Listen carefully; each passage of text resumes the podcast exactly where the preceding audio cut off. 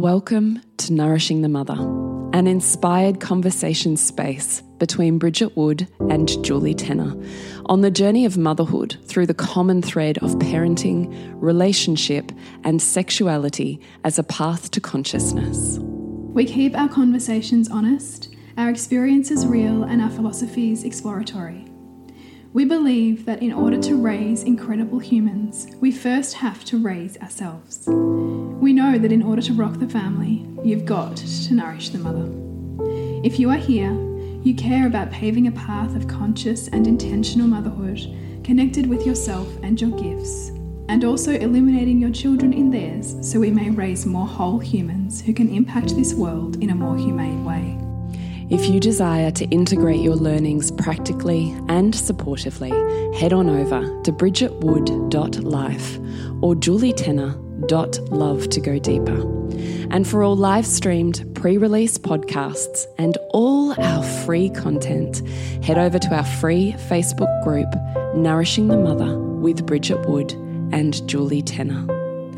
We are Julie Tenner and Bridget Wood, and we are so grateful you're here. Hello, and welcome to Nourishing the Mother. I'm Bridget Wood. And I'm Julie Tenner. And today's podcast is When Intensive Mothering Holds You Back. Mm, I feel like this is going to be a really juicy conversation.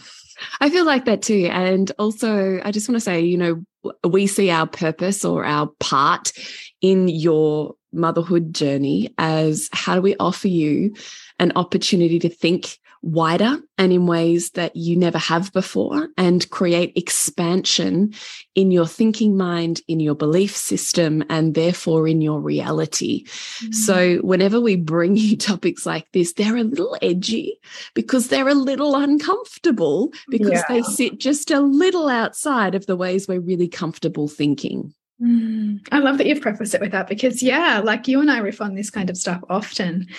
But it can be really edgy and uncomfortable because it's identity challenging mm. when we mm. have these conversations, when we go, what if what if there's this other way of seeing it? Mm. And what if actually like your feelings are your feedback, right? Like it's not actually the truth. They're all here to give you a pathway to think differently.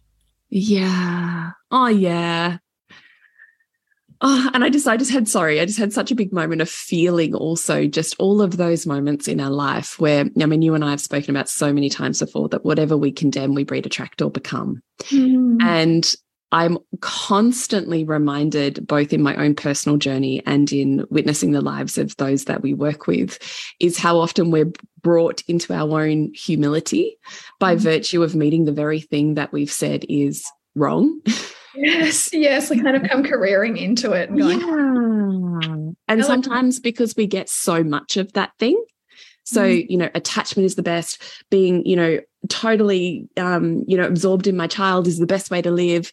And then you get a Velcro baby who does not give you five seconds of breathing space. You get so much of what you want so that you create the pushback to bring you into equilibration. Or you literally breed your children, attract through the world other people to reflect something to you and you know great to you in those ways that you say you're not or you literally become the thing that you're blind to that you are mm. the thing that you're judging and i just think all of us will continuously end up in those places so when we're looking at a topic like this mm. that's what i had this this like reminder of yeah, because this is challenging identity because part of our identity is them and us. It's a separation. There's me and what's right, and there's them and what's wrong. Mm. So part of this conversation is also going to be doing a little bit of that. Mm, softening those edges. Mm. Yes. So when we were talking about this before we hit record, we realized that one of the big red flags or indicators that maybe intensive mothering's holding you back is if you're finding yourself in this place of of almost continuous low level resentment of your life of your children that you probably don't feel comfortable admitting of your partner if you have one or just of your circumstances of being so immersed in mothering. Yes but also when i say sometimes not low level Sometimes, sometimes, like, yeah, sometimes yeah. it's like ragey. Sometimes it's like right. massive discontent. Sometimes it literally looks like I think I'm going to be really zen today, and then poof, I fly off the handle at my kids, and then I'm back to being zen again. And I'm like, "You're driving me nuts," but I can't leave you. You're driving me nuts, but I'm supposed to be here. And it's this like push pull that can be actually quite exacerbated. Yeah, that's a really good emphasis emphasis too, because you're right. And then you're like, whoa, what just happened? Or you're like, this is not who I want to be. Like, and you we confront these parts and we're like, hang on a sec, this is not the parent that I that I set out to be. Mm. So you and I certainly see that as like not wrong, not something mm. to judge, but something to get really, really curious about. Because that resentment is feedback. It's mm. to help us see, oh, maybe those projections or those idealisms or those fantasies we had about this life we now have you know, are asking us to be really honest with ourselves about if this is what we really want, if we mm. are actually living in alignment anymore. Mm. Mm. Which is like, you know, sometimes a conversation that we don't want to have with ourselves because we have an attachment to the identity that we've created that says we are all these things and this is what we do. This is what a good mother does and this is the belief system that I have up until this point staunchly held onto, which has created my identity. And if I no longer really think those things as viscerally as I have, what does that mean? Who, who does that mean I am? Will people judge me? Yeah. Or, or do I have to face the deepest judgments I've ever had, which for many women will trickle back in some way to their mother? Like mm. my mother did this, so I should be able to too. Or my mother, you know, did a terrible job and now I'm looking like her. Mm. Right. Like in the mother wound work that I do with women, it's one of the fundamental questions which I actually put to, to um, my social media just recently was I want you to actually identify in what ways did your mother love you?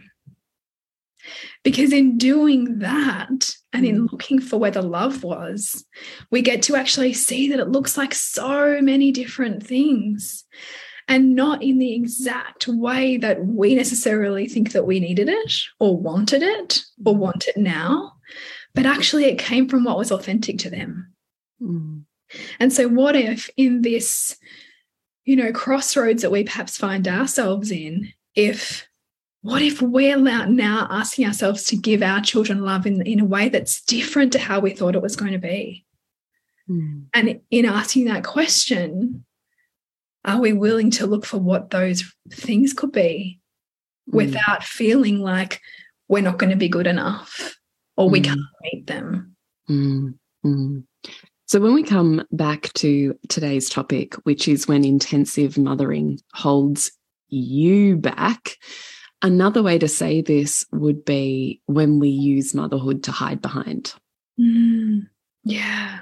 Or it's actually a really conscious question I had to ask myself when I was deciding about whether I'd have a third or not. Mm. Was was am I really choosing this as a really conscious choice mm. because I deeply yearn for it and want this and want to expand our family? Or you know, or is there a part of me that actually wants to hide longer in motherhood?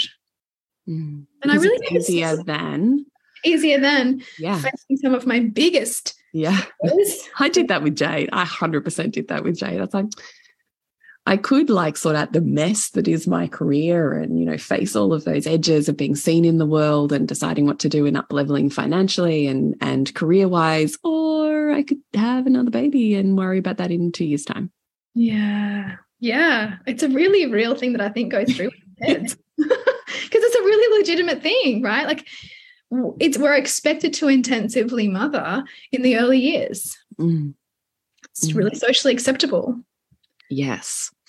So we want to hit you up with a few ways to just expand your thinking on this and just see if there's something that lands for you. It may not be all of the things, and that is cool, but it may be one of the things, and that gives you a sense of more empowerment so that you're living a life that is in ever greater alignment. Knowing the identity you currently have has been created from all of the beliefs that you have up until now held and from all of the ways that you have up until now thought. Mm. And growth will mean that the way you think and what you believe and perceive will change, which means the very life you've created right now that feels really comfy at some point will build resentment because it stops being so comfy because you yeah. have changed.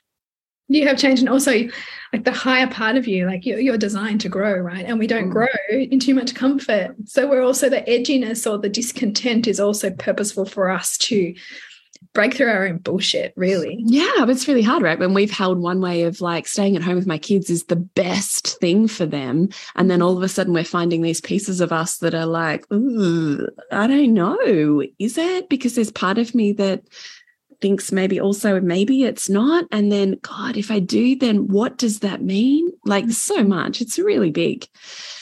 So we're going to begin here when we say that children have really big needs, so we can't mm. dot, dot, dot, insert the thing that yeah, you're yeah. holding yourself back in your life from.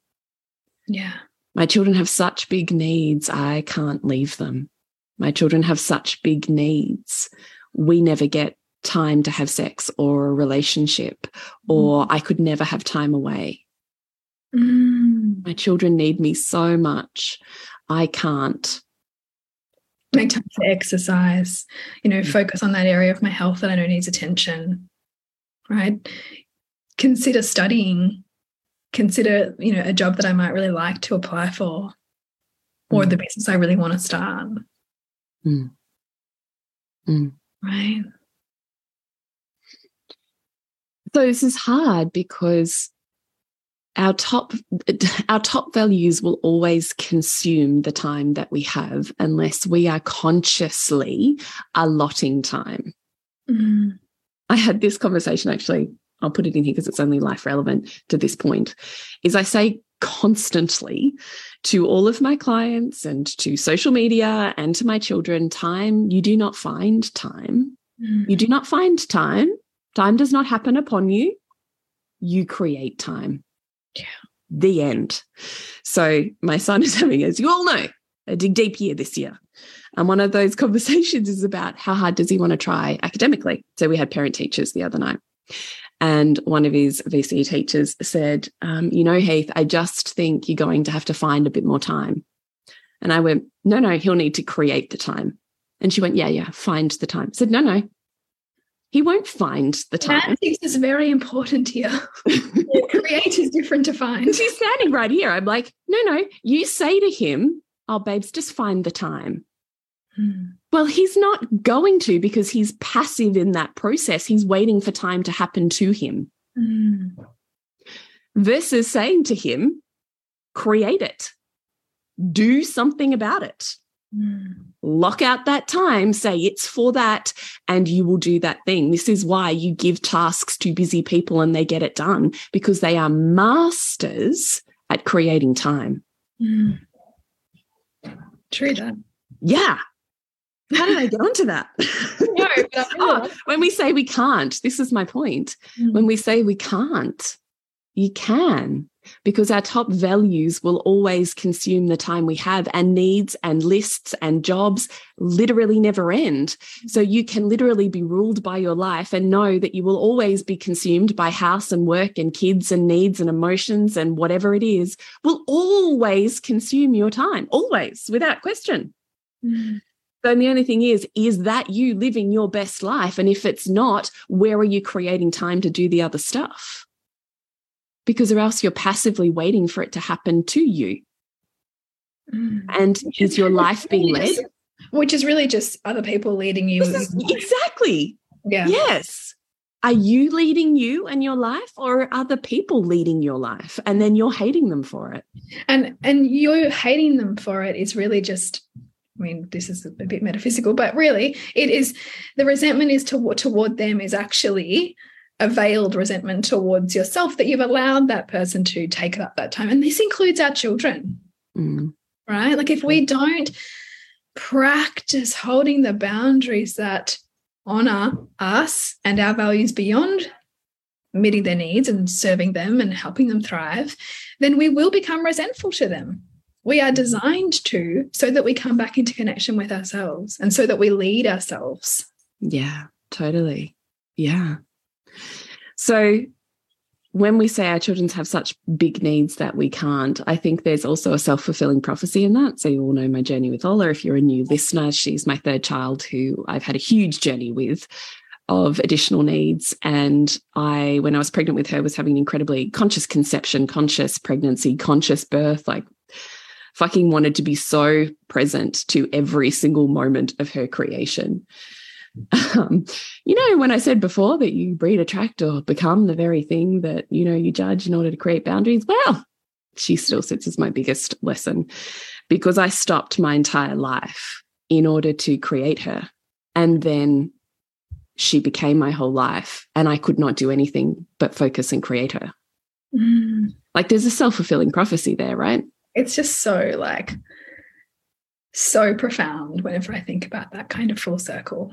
Isn't it? Yeah, yeah. yeah. And I had such on a pedestal consciousness, mm. presentness, being utterly available for every moment of everything for our children. Like mm. that's who I was in that evolution of my identity, mm. that I got pushed so fully into that experience mm. that I finally saw the drawbacks. Yeah, and I wasn't seeing them. But you didn't see it until you were like, oh, dying, dead down the very like, bottom of the well. Yeah, yeah, like just like coming and couldn't we barely come up for air, right? Yeah, exactly, mm. exactly. Mm. I literally had to kill off my identity before I was willing to let it go. Yeah, fucking brutal. Oh, so brutal. Mm. So brutal. So brutal. So I really do understand that we there are children who have more needs and higher needs than other children. Mm-hmm. That's truth. Yeah, absolutely. there are children that have all types of different needs and all types of sensitivities. And some of those do require more active participation on a parenting journey than others. There's just different kids. Mm. because there's different wirings and there's different nervous systems and there's different life parts. So, truth, I can't compare myself to another mother because her children are completely different to mine. Mm. Mothering is not just mothering. No, gosh, there's so much nuance that we don't get to or make space for when we just think it's just mothering, right? Right. Yeah, exactly. Exactly. So I do really understand that the needs can be so big and and seem like they are life dependent for your children on you. Mm. And yet, I also know it to be true that they are vastly better when those needs are spread across the many rather than the one. Yeah. And this, but the challenge for this in this for some mothers is that we come up against this this perfect mother myth, which Dr. Sophie Brock talks about. One of those being that only the biological mother can provide the best care for the child, which mm. on some level, some of us have really deeply internalized. And so, if that's true, then I need to put myself second and I need to put every need of this child first because I am the best at that for this child. Mm. And yet, as you're saying, what if part of the revillaging that so many mothers yearn for is accepting that we don't need to be everything and nor should we try to be everything. Mm. And that spreading those needs across a variety of different people, whether they be family or practitioners or, you know, various kinds of therapy or, you know, other influential people in our life, how mm. is that, you know, really actually supportive for your child? Yeah, totally.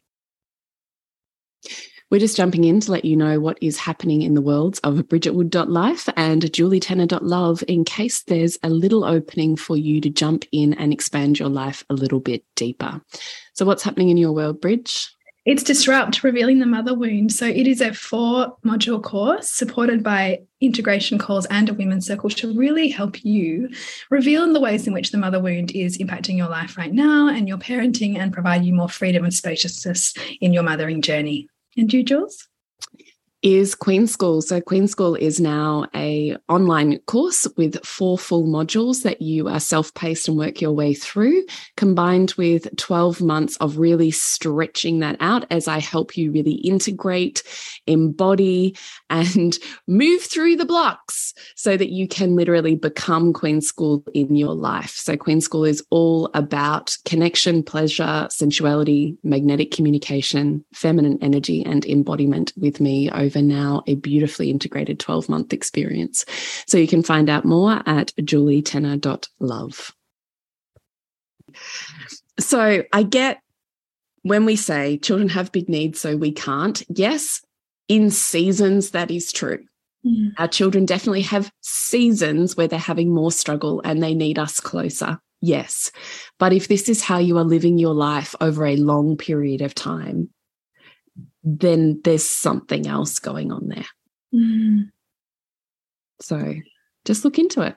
Yeah. And just, you know, like huge, like, I mean, you're the first person to offer like the depth of holding and warmth to those edges, right? Like to mm. that, you know, could there possibly be a different way to see this that doesn't feel like I'm carrying the whole world mm. on my shoulders right now?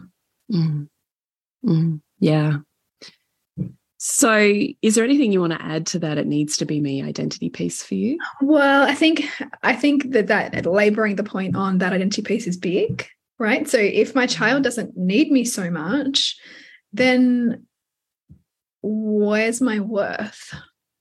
Mm. How you know can I be in that uncomfortable place of you know seeing my value beyond all that I provide and give and nurture Mm. And, you know, that may require, you know, us to look at where I where I'm called to build more skills, mm. where I'm called to value myself in ways I haven't actually before, where I literally look for permission. And how can I take up more space? And, and that, you know, that is confronting some of the depths of, you know, women's wounding, right? Is that waiting for permission? Is that sense that you know I wait till I'm asked and I can't take up too much space because it's not it's not allowed for me. Mm, totally. So one of the other um, considerations that Bridgie and I certainly, I mean, you and I bounce stuff like this off each other all of the time, is when we're perceiving that our children are better off when we are the primary caregivers or we're the ones that provide the vast majority of focus care, attention, space holding, emotional meeting, that our children are better off. And therefore, when we don't, as mothers, provide that, that children are worse off. Mm. And so, part of breaking our fantasy, which we're going to come crashing into the nightmare of, is to dismantle this polarized, one sided belief system mm. and instead look at where is the opposite equally true. So, how is me not being the primary caregiver or whatever whatever the opposite is for you like don't pick my words pick whatever the opposite belief is for you so you have a belief that my children are better when i'm the ones who when i'm the one who meets their needs all of the time mm. Oh, you know, or when I'm the one who puts the baby to bed all the time, or when I'm the one who gets up through the night, or when I'm the one who sits with the tears, or you know, whatever it is that you feel like your identity is probably most wrapped in. Great. Then ask yourself, what is the opposite of that? Probably, what is the thing I judge in others? Mm. What is the thing I would never allow myself to do because it clashes with my ideals? Mm. Then ask yourself, what is the benefit to my child or children of that very thing? Mm. Because the truth is, both exist. There is a conservation of equal drawbacks and benefits to everything. And you are still living in a cage if you are not actively able to emotionally balance those two sides and choose in an empowered way, you're still reacting. Mm. You're still being run by the outside of you. Mm. So it's really important that you balance your perception that they're better off. Yeah. Because arguably, they're not. Mm which is like some of like sometimes like the most insulting thing to consider because what do you mean all of that dedication and effort and yeah.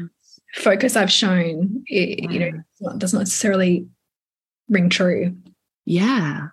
And it's funny what I noticed this um, in myself and also working with so many women is that underneath what we perceive to be problems with our child or the dynamic with our children or how we feel in mothering is actually the vulnerability that it takes to confront the fantasies that we've brought to it.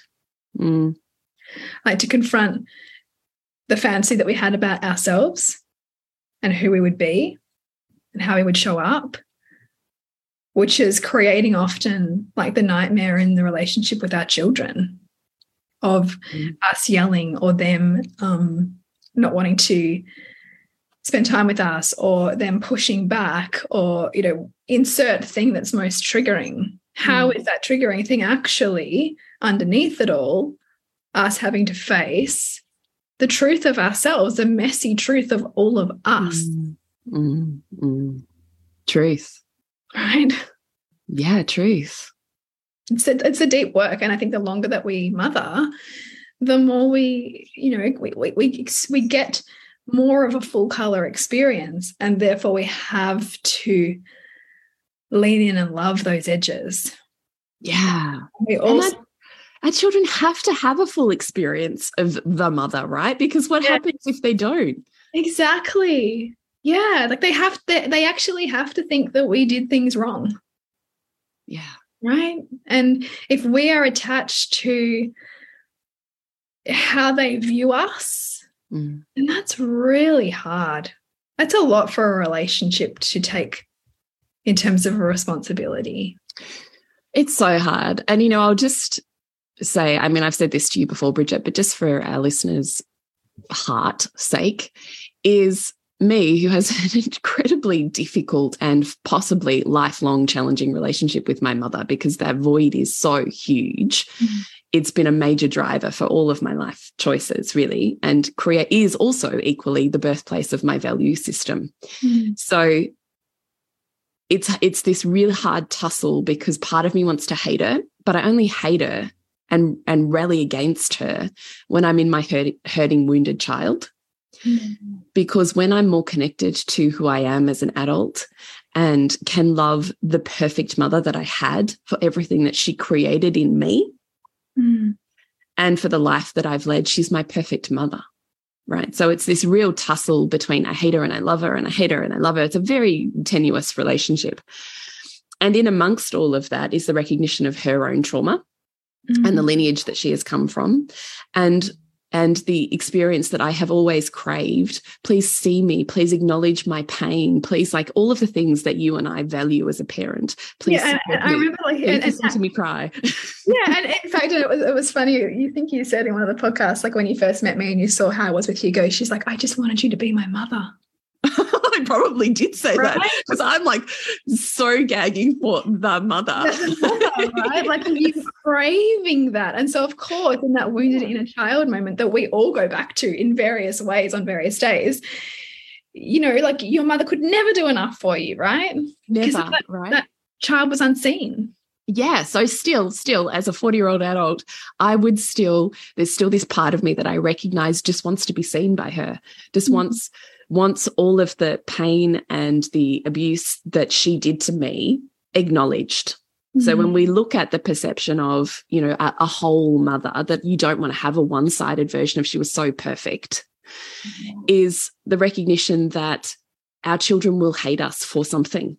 Whatever we perceive we're doing right now will, for at least one of our children, be the wrong choice in their eyes and their views and their perception and their life choices. So to balance the pain and the suffering that we perceive in that and potentially the overcompensation for trying to avoid the thing that is inevitable. Mm. What I like to be able to remember is despite all of the complexity of my own wound, if my mother turned around to me today, so at 40 something, and sat down with the same level of, of intention that Bridget would hold and the same open heart and the same willingness to to have their her own ego opened and shattered. Like it's this authentic but held vulnerability. Mm. not weeping mess.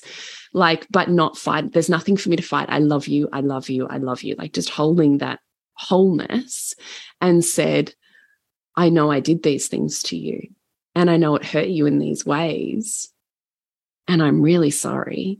Tell me how I can love you today. I mean, I, it would all be wiped away.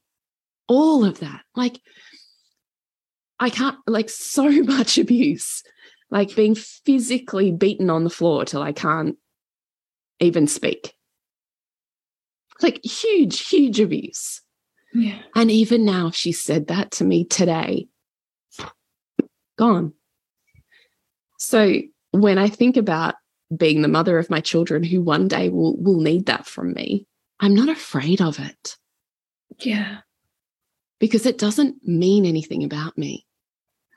All it all I can do in my everyday is continue to live in the greatest alignment that I can and to make the choices that that current evolution of me based on her beliefs and her views and her mindset and what she knew of the world and herself and her trauma could do.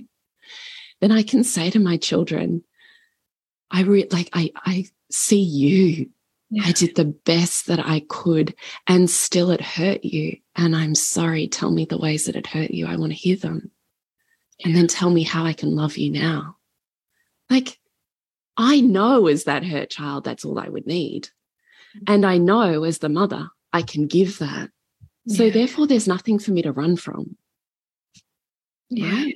It gives you more permission to be the authentic mother who sometimes is going to choose other things over your children. Yeah. Right. Because you know that in some way that they'll be okay with that. They might not think that they are. Right. Yeah. But that you're also going to hold your heart wide open if and when they come to you and say, you know, that time when I was 12 and you yeah. did or didn't do this thing, Yeah. right like you're you're not so fragile that you can't hear that or that you can't validate their experience as being their experience without having to defend yourself. Exactly. Exactly.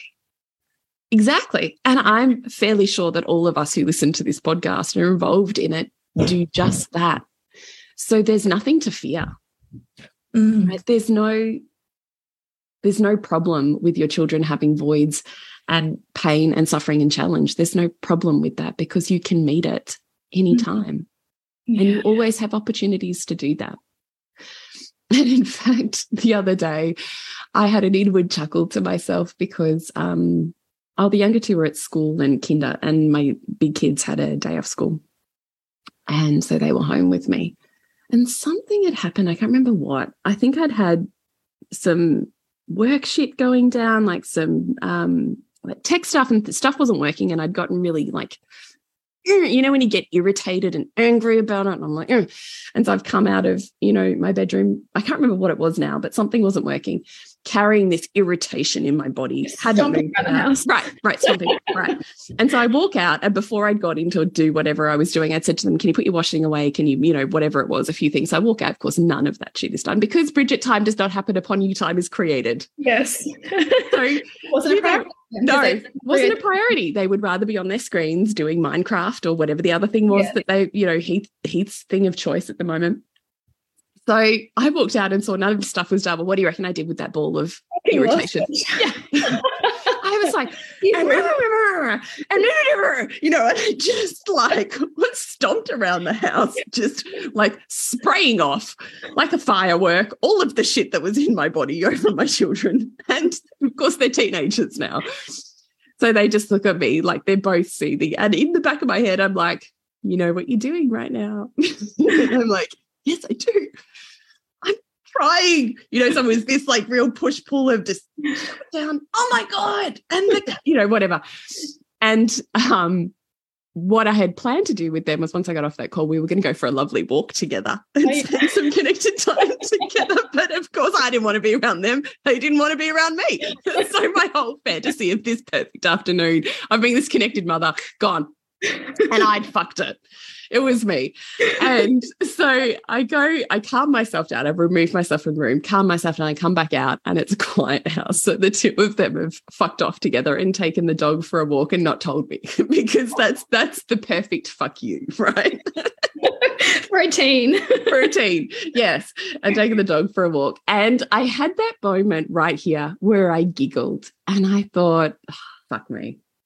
Here they are by virtue of me playing the perfect antagonist, loving super hard on each other, having yes. a mm. super connected experience together, yes. moving their bodies out in the sunshine, talking and listening and holding space for each other. No doubt about what a bitch their mum is. Yeah. But it doesn't matter because what they're achieving, yeah, is exactly what I wanted them to have. Connection just wasn't with you. right. Right. And yet I'm part of that dynamic. And so I could see that play out. And actually, what I saw was the beauty in that. Mm. There was no part of me judging myself for that because I could see the perfection and it doesn't have to be all me. Yeah. It's better if it's not. What what is one of the main things I want for my children is a super connected sibling relationship because that will serve them for the rest of their lives long after I'm not here. Mm. And I never had that thing was missing for me. I want them to have it which may mean to some extent I have to remove connection in order for them to have connection because there's always a law of conservation. Mm. So all of this played out and then I made dinner and we sat down to have dinner and I and I apologized. And so I said to them, you know, I know today that I took my shit out on both of you and I just vomited it all over you. And they both looked at me at the table and they smirked. And then they did the eye thing with each other, like they'd already communicated about, they already knew that was exactly what I'd done. you know, that's CC. yeah, yeah, yeah. And I was like, I know I did that. It was, you know, it was wrong. I, you know, all of the things. And they were both like, yeah, you did. We know.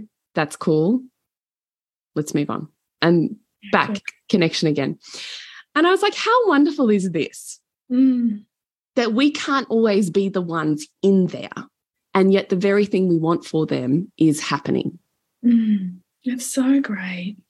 I do cool? love it. And I think it's it's such a great um I think weight off the shoulders of so many mothers who are so committed to conscious parenting and holding space is to be able to see the connection is conserved. So if in a moment that's missing between you and your child, like in that example that you gave, Jules, then where has it gone in the family? Because it's not missing. Mm. And what is the value of where it's gone? For example, in that sibling relationship, mm. there's value of it being there. Mm. And there's also value of our children seeing us not cope emotionally. Right. So right? also full circle back to the whole mother be yes. a whole human. Yeah. I'm flawed. I'm angry. I'm messy. I I love relationship and I and I fuck relationship. Like mm -hmm. all. And when also when who when who steps back, so when you like tap out or can't deal, who steps up? Right? Like even today, like Sylvie, my sometimes needs an enormous amount of scaffolding to get out the door. And I was off my A game today and I didn't give it to her. And if I mm. don't give it to her and I'm feeling anxious or stressed about being late, then I can't always hold it very well. And so I cracked it and like walked off into my room, slammed the door, cried, and said, I just hate being late. Why do we always have to be late? Did my own process. And at that exact same time, as I veered into my room to get myself like last done, my husband veered to after Sylvie and helped get her ready in the most gentlest, you know, directional way that she needed that I couldn't provide in that moment because I was gone. Like I had held as much as I could, and then I'd I, I couldn't hold anymore because mm. her her resistance met with my anxiety and stress and so i was no longer mm. in the had the capacity mm. and so the beautiful thing about that is that her connection and her needs met her needs got met by her dad which is really important to me because those emotional and connecting needs were not really met for me with my dad so i love seeing those mm. imprints happen for her so again, you're not feeling guilty because you can actually see how it's serving the very thing you want for her. Yeah. Mm. And then we also had a half an hour drive in which I could repair with her, in which I could explain what happened. You know, I reached around, I held her hand, I apologized for yelling, you know, and it was a beautiful connection point. Like we don't get to have those beautiful reparative experiences unless we sometimes lose our shit right mm. like it's it's almost like a you know how like muscles grow stronger when they're stretched and torn and you know all of that i think that that's true with relationship like we need the conflict because the you know and an element of healthy conflict helps build a strong relationship It mm. helps build a healthy human too. Healthy human, right? More yeah. permission to be whole. Because you know, in our value of holding space for our kids, you know, so much of the time we can not judge their feelings and let them be, right? Like it's a, as my husband was saying earlier, this before all this shit hit the fan, he was like, you know, Sylvie, it's okay to be angry in this house. It's fine, but I don't want you to hit your iPad. You know, we want to have a full experience of feeling in this home and to have that, that means everybody in this home gets to have that full experience of feeling. And therefore, everybody else in this home also has to be responsible for their peace in that and how they can come back into connection with those that they love. Mm, mm. Just love it. Thank you so much, Bridgie, for all your wisdom. I just always feel oh, up. It's so you. true. and I think it's really permission giving for our listeners to hear our stories of like, fuck up, right? Yeah. And then seeing the oh, yeah. wholeness. wholeness. Wholeness. Yeah. yeah. Yeah. You can have all of the philosophies you like, but the human lived experience is somewhat different. Yeah. Actually, I saw this fantastic reel. I put it up on my stories today of um, this like rope, you know, whoever the rock climbing people are that use the ropes to like scale up Oh yeah, rocks, whatever what, you call that. Climbers? Is that? Is I don't know. I have no idea. Whatever all of the rope stuff is. Yeah. So there's this dude on the rope, and he's like got all of the equipment and all of the ropes, and he's scaling up this face of this rock, and he's got his camera out because he just veers right, and here is this monk without anything, just walking up the rocks in bare feet, just on his toes. Whoa! Right. And so the caption is something around skill versus experience. Oh. And I loved it because I was like, yeah, this is the difference. Like you can have all of the intellectual fucking mm. rope tools that you like, all of the suspender belts, the fancy latest helmet equipment, you know, like you can kit yourself out and you can say, I am like killing it, mm. best person at this job. And then you see the person who has lived experience yeah. and they don't need any of that roping system. It kind of reminds me of like, you know, the teacher who's the expert parent until they can become a parent. Yeah. Right? like I've had teacher friends who say, Oh God, I had all these ideas about how I was going to be a parent. I would never do what I've seen, you know, parents do or be. And they get so humbled because mm. experience is a great teacher and leveler. And, you know, ultimately too, a skill builder mm. in a way that like having a latest equipment is not. Yeah. Yeah, there's a real difference between lived wisdom and intellectually learning something. Mm. Yeah. And wisdom will always have a very balanced mix mm. of the knowing of suffering and the ability to rise above it. Or with that, maybe perhaps is the better way of saying yeah. it. Very yeah. different. So, just really giving yourself permission to move from a philosophy and a set of learned tools mm. into what that looks like as a lived whole experience. Yeah. Yeah. Beautiful reminder. And what do you have going on in the world, Bridgie? I have. It's your last chance to get into disrupt, revealing the mother wound, which really I think for you know any any person who's on a conscious parenting journey is is almost like a prerequisite to really allow yourself to become this whole mother that we talk about here. Because if we don't want to examine that which we carry about our mother, about what it means to be a mother, about what we've internalized from our culture about mothering, then we can end up with in a really um, sticky place in ourselves and our identity and be end up run so much by our past. So that's my invitation to you if you feel like you're willing to do that kind of work. And so we start with our first live integration call this week on Thursday. So you can find out more about that at bridgetwood.life. And what about you, Jules?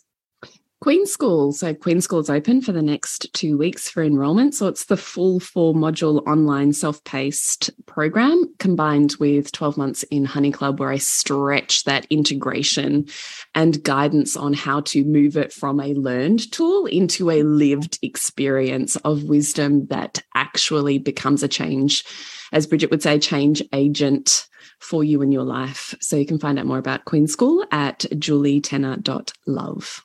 Beautiful. Remember to nourish woman to rock the family. And we'll see you next week when we continue to peel back the layers on your mothering journey. Thank you so much for listening. We literally couldn't do this without you. Please share this podcast with anyone you think it would be medicine for. If you desire to integrate your learnings practically and supportively into your life, then head on over to bridgetwood.life or julietenner.love to go deeper. And if you feel like giving back a little to this free content, please rate us on iTunes or Facebook, all of which helps the podcast reach more mamas who need this type of tonic for the soul.